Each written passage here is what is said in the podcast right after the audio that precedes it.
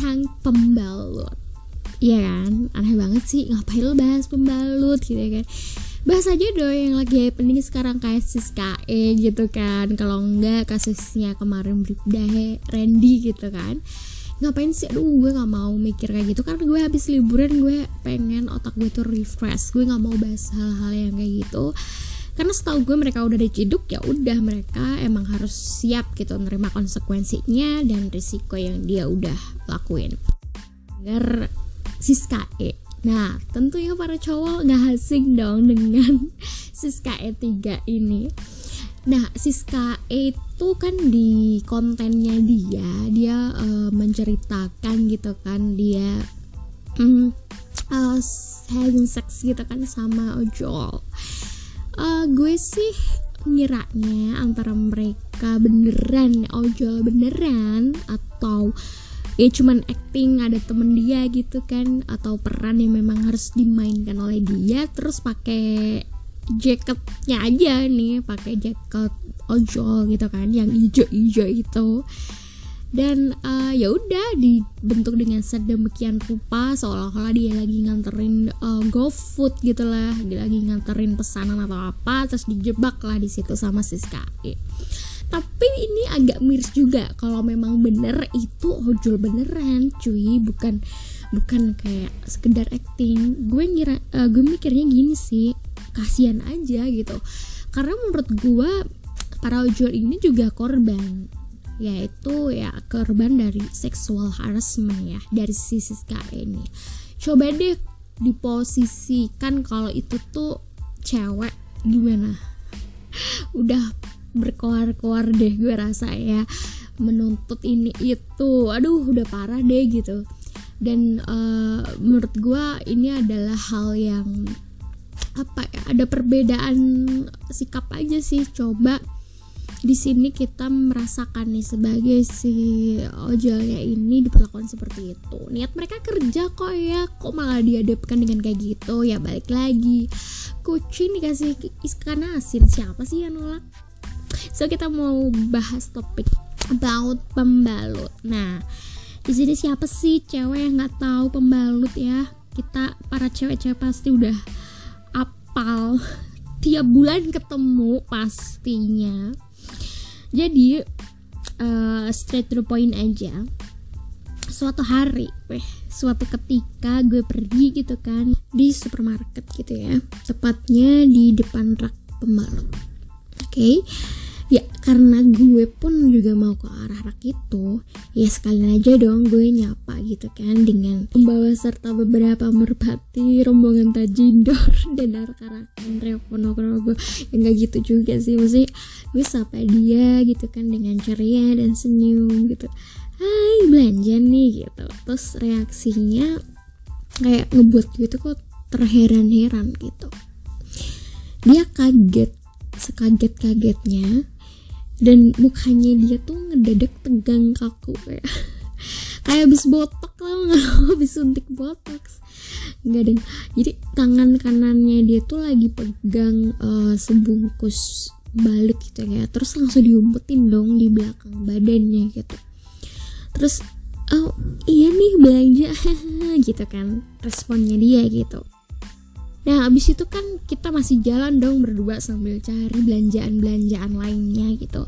Terus dia langsung nyeletuk Aduh malu kalau kelihatan sama orang gitu. Masa pembalut dipamer-pamerin sih? Lagian siapa sih juga yang mau pamer pembalut ya gitu kan Ke khalayak ramai gitu Jainab Ya maksudnya kayak cewek lain tuh nggak nggak pernah pakai aja gitu.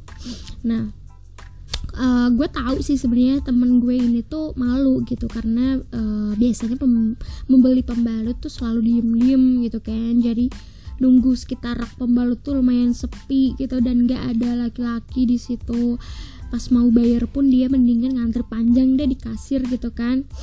Uh, daripada di antrian yang lebih pendek tapi kasirnya cowok. Nah dari sini gue tanya nih kan sama kaum kaum cewek alasan kalian malu tuh apa sih gitu nah dari kalian nih uh, yang dengerin nih podcast gue ada nggak sih uh, bagian dari kalian juga ngalamin seperti apa yang dialamin temen gue tadi? Karena nggak sedikit juga temen laki gue nih sering juga kok dititipin pembalut gitu ya sama nyokapnya, pasangannya, saudaranya gitu dan menurut gue itu bukan hal yang tabu sih sebenarnya. Uh, menurut gue juga ya ngebawa beli dan make pembalut itu bukan bentuk kriminal gitu. Apalagi pelanggaran norma gitu kan. Jadi ngapain kita harus takut atau malu? Cewek-cewek nih entah dia masih usia 14 kayak uh, 13 kayak yang baru pertama kali uh, menstruasi gitu ya. Sampai wanita dewasa nih yang masih suka malu uh, gue perlu sih menormalisasikan ini karena beli pembalut tuh ya kayak selayaknya. Lo beli kapas, tisu, sabun, sampo, lotion gitu kan. Ya kebutuhan lo sehari-hari lah gitu. Justru gue mau ngucapin wow gitu ya sama teman-teman cowok gue yang mau gitu ya dititipin atau ngebeliin pasangannya nyokapnya saudaranya atau bahkan temennya pembalut gitu ya. Itu suatu hal yang perlu dihancuri jempol gitu kan karena banyak juga cowok yang lain gitu yang aduh apaan sih? Malu gue gini-gini. Ya berarti dia kan udah paham nih oh ini kebutuhan cewek gitu. Ya selayaknya kayak cewek gue pakai lotion lah terus apa yang perlu dimaluin?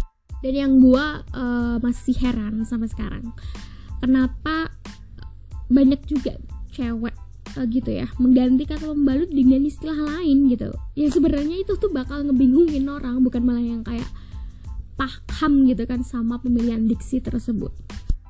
Sekarang masih sering terjadi ya kayak seperti hal yang kita memberikan istilah pengganti buat alat kelamin gitu. Kalau dari kecil aja udah dikasih tahu uh, itu dong burungnya gitu kan. Padahal ya itu penis. Ya udah bilang aja itu penis gitu kan. Gak usah diganti-ganti deh buat apa gitu kan. Nah kalau pembalut dari gue zaman penjajahan I mean zaman gue masih SD lah ya karena honestly gue menstruasi adalah kelas 6 SD banyak banget yang bilang dengan istilah pembalut jadi roti. Roti men gitu. Gitu nggak minat makan roti gara-gara ngebayangin yang dipakai itu pembalut gitu. Jadi kayak gue enak sendiri apalagi yang selainnya strawberry gara-gara itu honestly sampai sekarang gue agak agak eh, nggak uh, nggak suka nggak terlalu suka sama yang namanya roti lah gitu. Ya gue tau ini agak lebih sih memang. Urusan pembalut atau tampon atau mens cup ya itu bukan monopoli perempuan doang gitu loh. Jadi bukan berarti Yuji pada nih yang laki-laki berjambang jenggotan rambut klimis pakai pomade gitu terus jadi merasa nggak maco gitu hanya karena ngebeli sebuah pembalut gitu. Justru ya balik tadi level of respect gue gitu sama kami mewakili para perempuan gitu bakal meningkat ketika lo, lo peduli apalagi sampai action gitu ngebantu uh, hingga ke basic needs salah satunya ya pembalut tadi. Sampai pakai bonus gitu ya dibeliin minuman seger coklat terus dipeluk gitu dengan lembut hangat di saat kerunyes-kerunyes di perut ini melanda guys. Nyeri. Pasti tahu ya rasanya gimana kalau kita lagi period. Gak jarang terjadi juga kan ketika lo juga yang para single gitu uh, ngebeli kondom gitu kan terus lo ngumpet-ngumpet ya kan gitu. Malu lah atau gimana. Menurut gue buat gue pribadi ya untuk lo yang mungkin memutuskan untuk ya melakukan seks under marry gitu.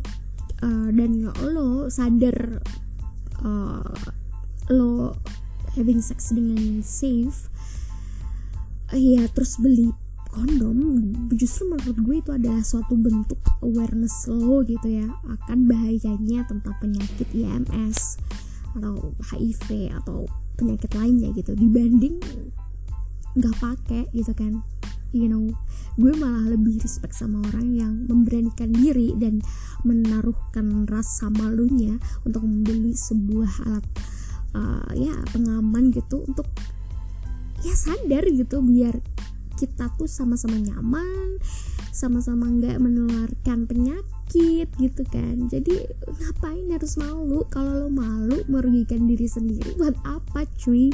Nah dampak dari malu itu tersendiri. Ya gak dapet info apa-apa men. Gak ada info yang tepat dan benar gitu. Karena mau nanya juga malu gitu kan. Mau periksa juga takut nih dijudge kanan kiri gitu kan. Waduh lu belum nikah kok udah ke dokter objin sih. Lagi uh, ya tabu lah. Hal-hal kayak gini tuh tabu gitu. Kayak lo uh, mungkin ada masalah mental illness atau apa terus lo ke uh, ke psikolog atau ke psikiater lo ngira lo disebut gila gitu kan. Ya sama sebenarnya tuh the same things di sini. Dimulai deh dari uh, berani gitu nyebutin organ-organ tubuh sesuai nama sebenarnya gitu. Sering juga sih gue denger masyarakat ngeganti gitu ya nama kelamin tadi yang burung lah anu lah gitu. Ya mungkin awalnya ya uh, yang gak kebiasa gitu untuk nyebutin gitu nama-nama organ yang langsung kayak uh, payudara gitu kan penis bokong vagina gitu kan. Biasanya kan pakai nama-nama lain. Anak sekarang tuh bilangnya bubis gitu. Sebenarnya prinsip dasarnya adalah uh, sebelum lo melakukan aktivitas seksual ya lo harus uh, sebanyak mungkin tahu nih pendidikan seksualnya seperti apa sex education uh, di Indonesia ini terlebih buat anak-anak ya uh, itu sangat tabu gitu. Jadi jarang banget gitu dilakukan oleh para orang orang tua. So uh, gitu aja cerita gue hari ini tentang pembalut. Uh, dan sedikit menyinggung ya tentang sex education. So enjoy uh, buat kalian semuanya. Terima kasih udah dengerin gue di My Talk Podcast So, see you next episode. Bye!